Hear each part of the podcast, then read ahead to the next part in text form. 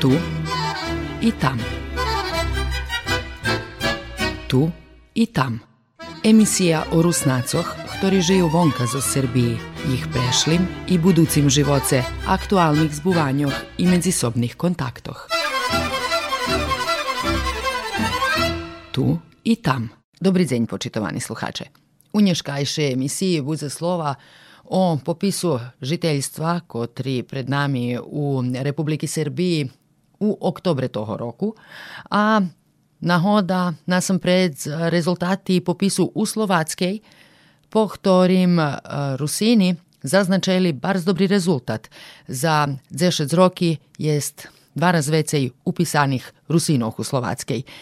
2011 toho to bolo daco vecej jak 33 tisiači Rusinoh, a teraz toto číslo daco vecej jak 63 tisiači. Za komentar O popisu sme zamodljeli aktivistu i novinara Petra Medvida, redaktora internet radija Rusin FM. Na no sam predzvinčujem to bardzo dobri rezultati.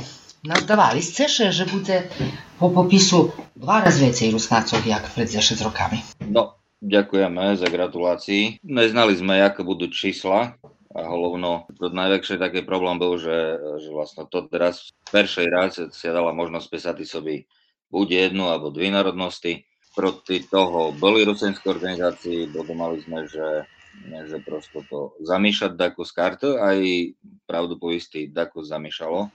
Na druhým bodci pravdou je to, že, že to, že sa 63,5 tisíc ľudí už pri jedním alebo pri druhým poprosi prevlosilo do rusenskej národnosti, ja dúfam, že ani ne, že úspech, bo, bo to neboli vlbor, že bo takto vyhral a takto prohral, ale dúfam by, že hlavne je to dobrý znak, že že išli tak skoro neščeznúť Rusena.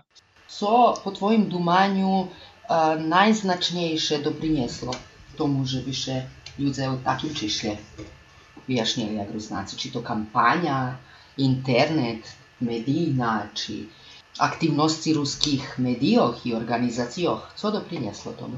No my sme to, my sme to vysidovali už na začiatku celého toho, že celej tej kampani že to nie je len o tej kampani, ktorá teper bude prochoditi pár mesiaci, ale že vlastno Dúmame sobie, že rusenské organizácii takú kampaň vlastne robili celých 10 rokov od, od ostatného spisovania, od 2011 roku, že to má svojima aktivnosťami, ktoré, ktoré robili tom, že toto sa peskalo vse do médií, že okrúhly stil robil toto jubilejný rok, ktoré sa distávali do médií a ktoré vlastno poznakomili nelen Ruseniu, ale i, i majoritu, ale tak samo môže i tých, ktoré des vzadu v hlovi mali, že môže súť Rusené, ale už tak na to bardzo nepamätali, že všetko toto aktivitu, ktoré sme robili tak 10 rokov, že pomohli tomu, že dnes o mnoho vecej ľudí si už sa čuje len jak Rusenom, alebo si sa čuje, že je i Rusenom, i čuje sa pri nejaký inší národnosti, ale že vlastno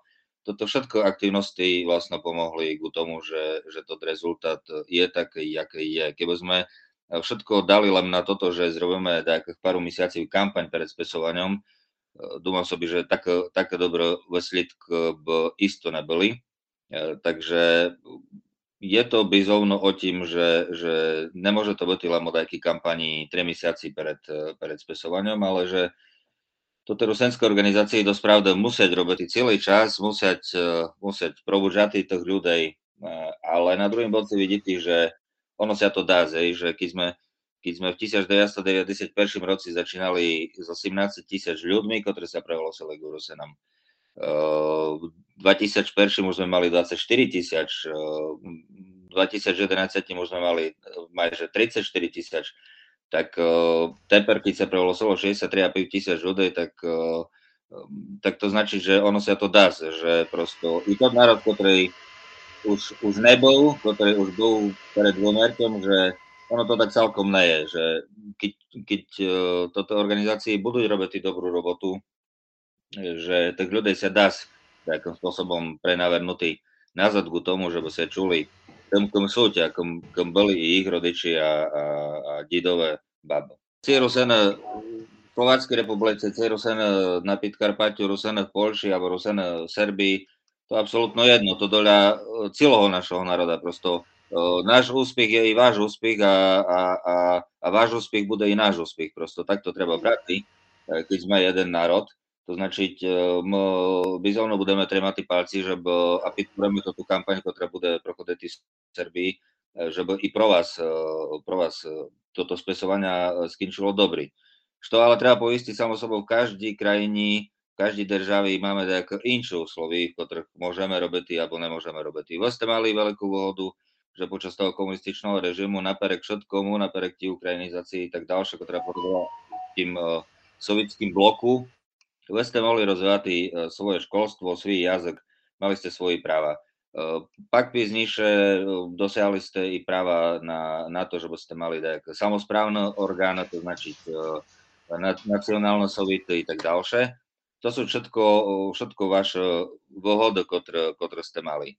Na druhým boci vidíte, že dakoli e, to nemusí byť na kosen, bo, bo vlastno roľ tých e, e, patriotističných organizácií, ktoré sú, poti môže ísť takus pomimo, bo ty oslablená to tá roľ a a toto orgány, ktoré sú državné a sú i národnostné i tak ďalšie, nevse musieť mať uh, nevse tam musieť byť obraté ľudia, ktorí majú dobrý zadum a ktorí chcú rozvíjať dosť to, tú samobetnosť Rosensku. Ďalšia, ďalšia, ďalší taký veľký rozdiel je to, že my išli sa tu, zažívame len takú migráciu v rámkach, e, v rámkach našej krajiny. To znači ľudia idú, ja neznám, z východu Slováky, idú na západ Slováky, žaberobety, ale išli sa ostávajú, väčšina ľudí ostávať tu, i za to v perepesi e, prosto, keď sa prevolo Rusenám, to z toho máme chosen. Lenže e, Serbia dlhé roky zažívať toto veselenectvo do inších krajín, što samo sobou oslavľuje nelen serbskú komunitu majoritnú, nelen inších komunit menšinové, ale oslabľuje to samo sobou i Ruseniu, keďže odchodia i Rusene, a dobrý známe, že odchodia i Rusene z tej teritórii. Mm. To značiť, e, e, tot problém je takou širšej, a tak samo my budeme musieť rozdumovať i napríklad e, na takým fórumi, jak je Svitový kongres Ruseniu, jak tak ľudia prosto nestratety, keď odejdú z tej krajiny, keď odejdú zo Serbii, keď odejdú zo Slovaky, jak ich v tých nových krajinách, kde oni si znajduť, že by oni tam sa ne, e, prosto neasimilovali s tou majoritou, ale že by tam ďalšie tremali toto svoje. Keď v tým budeme úspešní, že budeme znať pitkobety toto komunitu, ktoré známe, že dneska sa tvoria, ja neznám, v Nemecku, u Veľkobritánii tak ďalšie, tak uh, môže stratíme tých ľudí v tej krajine, z ktorej pochodiať, ale na druhým boci môžu vyrosnúť nové komunity, komunity Ruseniu, ktoré tu doteper sme nemali. To znači, môže, môže že u Svitovom kongresi o 10 rokov bude i e, rusenská organizácia, ktorá bude z Nemecka alebo z Veľkej Británie. Co administratívno znači väčšie číslo? Administratívno uh, ide nám o to, že by, že by sme na väčšej teritorii mohli mať napríklad svoje dvojazyčné označenia, že by sme uh, rusenský mohli posnovať u VCSLách, toto už známe teper, že porosne, ono by to proslo i bez toho, že by, jak by, jak by skinčili toto rezultáty z 2021 roku, bo vlastno tu bol to stan zakonzervovaný od roku 2001, to značiť, e, my už sme dávno mali mať VCSL, e, ktoré boli označené po rusenské, len tým, že vláda zakonzervovala to stan e, z roku 2001, tak sme ich nemali. To trik vlastno už je rokom, koli sa to bude meniť, to značiť, my budeme mať, mali by sme mať o, o 88 sel VC označené po Rusensko, to značí, že tam môže osnovať úriadný jazyk nelen slováckej, ale i rusenskej. Tak samo, čo to značiť, no podľa tých čísel, ktoré máme z posledného spisovania, to značiť z toho 2021 roku, tak s tým budeme potom ďalšie robiť tým i v tým, keď budeme vyjednávať koľko mať tý časovú dotáciu rusenské vysielania v televízii, v rádiu, mám, mám teper u, u državní, državní uh, televízii, državní rádiu. To znači, toto bude pro nás e, kľúčové e, vkazovať na to, že posmotné nás už nie je 34 tisíc, ale je nás 63,5 tisíc, to znači, nemôžeme mať takú časovú dotáciu na naše programy, jak sme mali pred 10 rokami.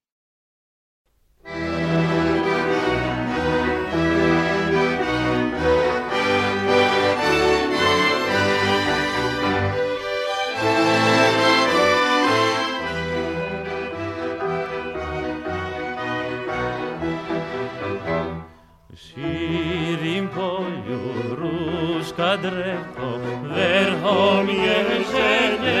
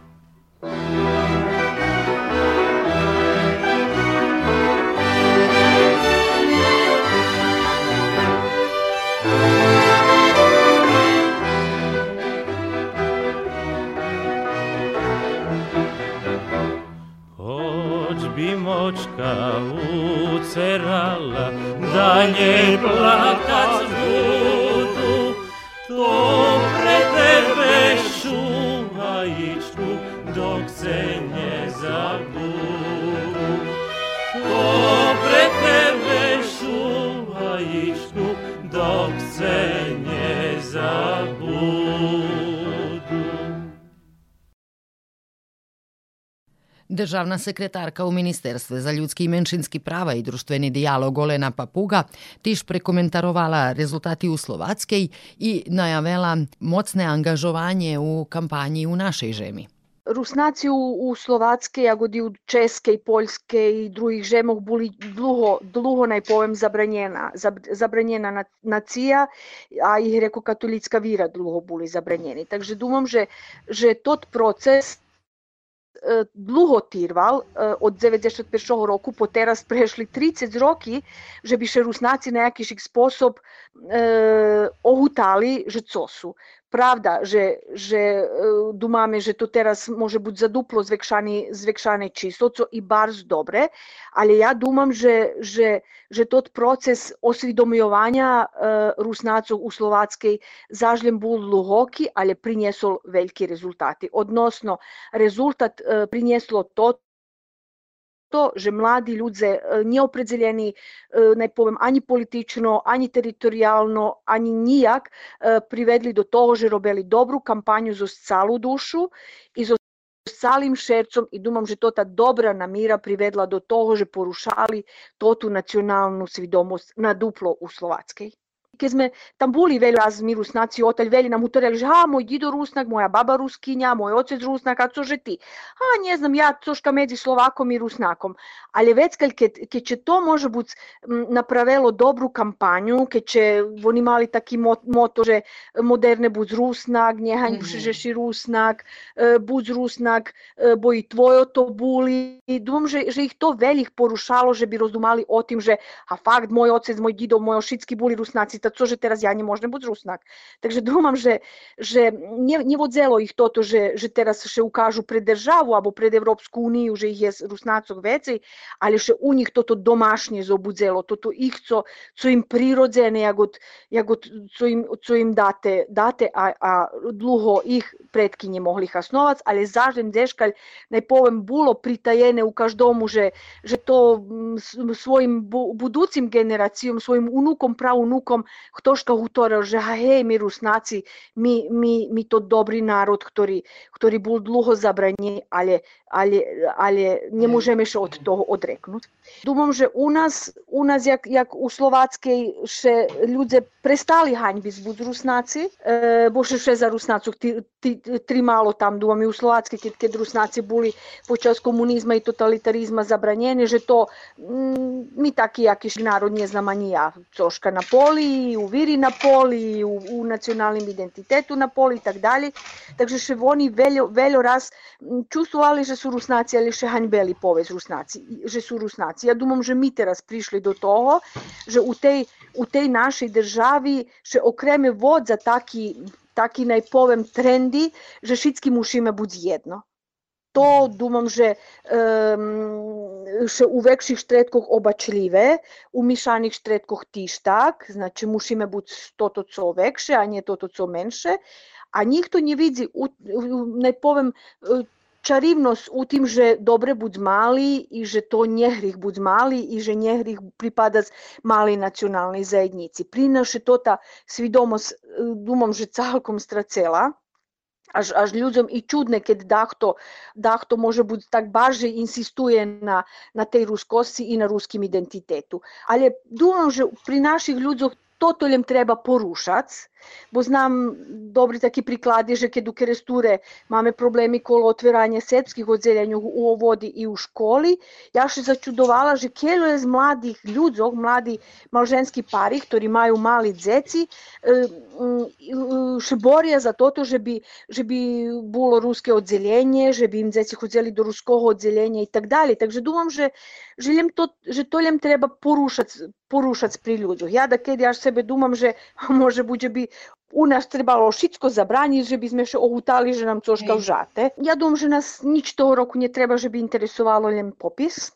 wszystko to, to, co się nam tu popritowo slučuje, to się na jakiś sposób nie dotyka nas już znaczek. Dotyka się fakt, sigurno, bo żyjemy u tej držawie, ale wiele stvari tu nie możemy wyprawić, to, to co możemy wyprawić, to, to, to budzenie naszej nacionalnej świadomości i, i, i odchod do ludzi, żebyśmy im powiedzieli najsze wyjaśnie jak rusnaci. Думам, że treba, treba żebyśmy naszej organizacji, naszej instytucji, naszej pojedyncy ще порадзели, хто на який спосіб се участвував у кампанії, же бізме тоту кампанію отворено робили, обіходзели людзох, гуторели їм жецов, направили деякі мотиваційні письма, у яких не, не порушаме то, то tot, toto šercu každého Rusnáka, že predso by še nevyjašnjeli ako Rusnak i predso moji odzeci, hoď sú u mišanim malženstve, neboli Rusnáci, čom by nepripadali tomu narodu, ktorú, ktoromu pripadali i jeho didove. Takže ja za jednu otvorenú kampanju i za pošvitko, že by sme že by sme všetky v jedno šedli i roz, roz, točno sebe dali zadatki to, co má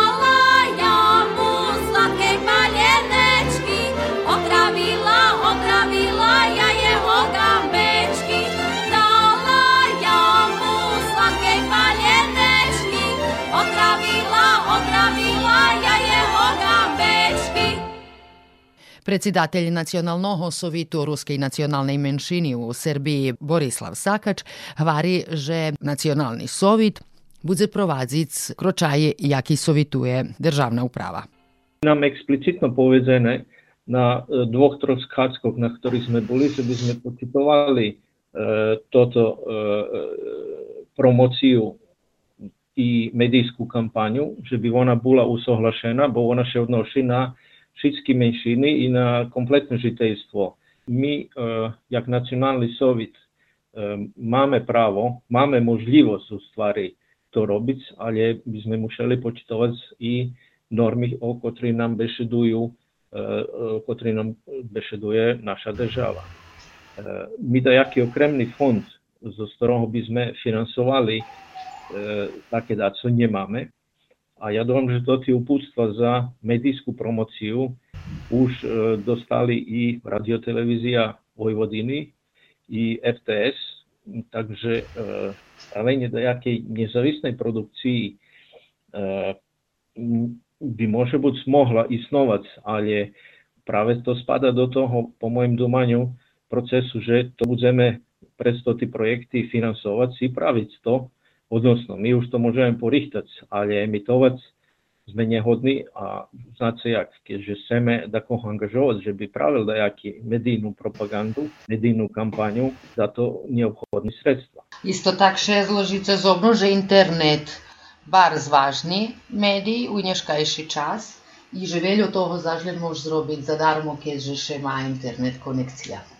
No to pravda, že še na to ti našo društveni mreži veľa poklada uvahy i ja pretpostavljam, že po švitko bude schádzka nacionalnog sovitu u februaru mešacu, na kedy dostaneme odrezeni rozpisi po pitanju budžetu našoho za to rok. A već kad sme hodni definovať prez naš odbor za objadovje hasnovanje jazika i pisma, sme hodni planovať taký dajaký kampanje akciji da povem, i skori časov. Hoć pravi efekt toho, po mojim dumanju, bude až definitivno robeni u, u septembru mešacu, a ja, ne, ja skloni tomu, že verím, že ľudia nebudú predumovať, že jak še upíšu,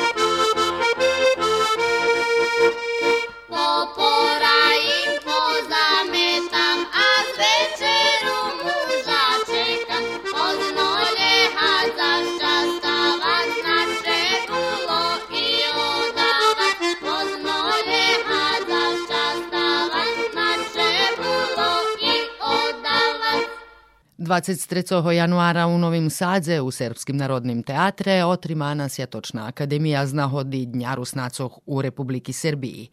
Buli i hostci zos Horvatske i ta posluhajce jaki ih upečatki. Prichodzíme zo Spetrovcov i slava Bohu, posle dva roky konečne sme tu i evo ga, polni sme radosti zato, že Novi Sad teraz jak Evropska prestolnica kulturi, a Rusnaci među njima, evo ga označime i tot vaš deň Rusnacok mi u maju slavime, ali radost u šercu bar zveljka. Jako ste mogli prići tu, nje da jaki preprečenja? Nje, nijakoho preprečenja nije bilo, ukazali sme normalno COVID putovnici, hej, prepušćenja toti, takže njih to še nje skaržel na nas, gde ideme, čom ideme, čišće daco dodatni treba nejaký PCR testi, alebo daco, slava Bohu, takže, a, znate co, keď ideme ku svojim, to nás prepušťa. Jak vam še páči tu u Srpskim narodnom teatre? Ja môžem povedať, že som, že som, že som perší raz perše ako u budinku tu a šťastlivý, že taký výstavky še teraz znova ovaj, môžeme opatriť, e, ktorí sme možda ani na jeden spôsob ani sme neznali, že, že sú medzi nami. Hej, takže e, dúmam, že jedno stvar bar vážne, že še toto všetko, čo Rusnácoch otrimuje baš u tým, jak by ja to navolal, jedným, jednej, jedným, jedným palácu kultúry. Hej, zažlem to, jak še hvári, najvyšší úroveň kultúry. Prišli sme zo društva Rusnak, po volánku sme dostali, milo nám, že, že to teraz uživo slučuje. Skorej dva roky sme boli u Šidu, to poriadovo prichodzíme na povolánku. Na milo, že môžeme uživo vinčovať nacionalni švet Rusnacom u Srbiji. Žadanje, že by tak i ostalo i bliže biti so vecej mogli prenošiti na svojo potomki, že bi bešedovali znači jazik, viru i kulturu, bo to nam eto co nas otrimuje i co nas otrimovalo i otrima. To je i budućnost naša. Jak vam še páči, že programa prave tu u Srpskim narodnim teatre, či ste zadovoljni za organizaciju?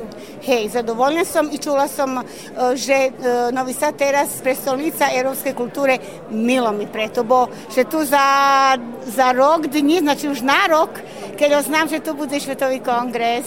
Výstava mi še bar spáči, neobčakoval som, že bude taká cikáve, že bude tak interesantni tu ti maljunki tu i od veće autorov, hrižni formati temi.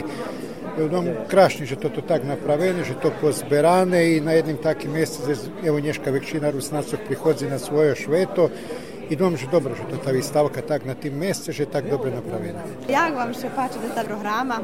E, programa, to dobra ideja, to ti vizualni kontakti s druhima državami. Takže to dobra vjaz u tom, že musíme hasnovať to ti novi tehnologiji, poviazovať, že Njenim to ti klasični formi na binico še vyvoze. Bars mi se všetko páči i vystava bars krasna i dumame, že za, eto, teraz za to čas je primerena i, i všetko atmosfera bars prijemna i posluženje i društvo i všetko bars prijemne, eto, všetko oduševljena su. Posluchajte u pečatki i drugih hostcov u Srpskim narodnim teatre. Milo mi, že se otrimuje i думам, že krašne, že by še každého roku zdohadli na, na toto. Čustvo fine. Fine. Milo mi, že som u tim pozorištu i milo mi, že som pri našim rusnacama. Bardzo mi še pači i cešim se, že sme konječno stigli po uh, veliki pravi teater i okreme mi še pača to ti prekrasni šali, ljebo pustočki. Bo vidim, že su originalni, ručno robeni. Bar mi še pači, znači i vistava i toto všetko je porihtane. E, interesantne mi, moderne. Пишем ще, гей, že, že mi Rusnáci evo, sme také dožili, že u takým krásnym prostore to o, slavíme ovaj, svoj deň, takže za mňa to veľký úspіх i tešíme, že máme takých umetníkov. Krásne vidieť, že je u ruskej zajednici umetníkov, takých kvalitetných i pre, pre slavu som zadovoljna na visokim krásnym úrovni.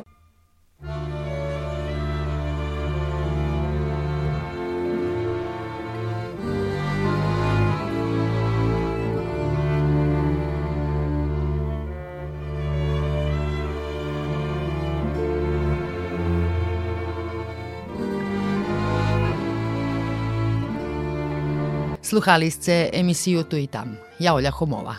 Do posluhanja.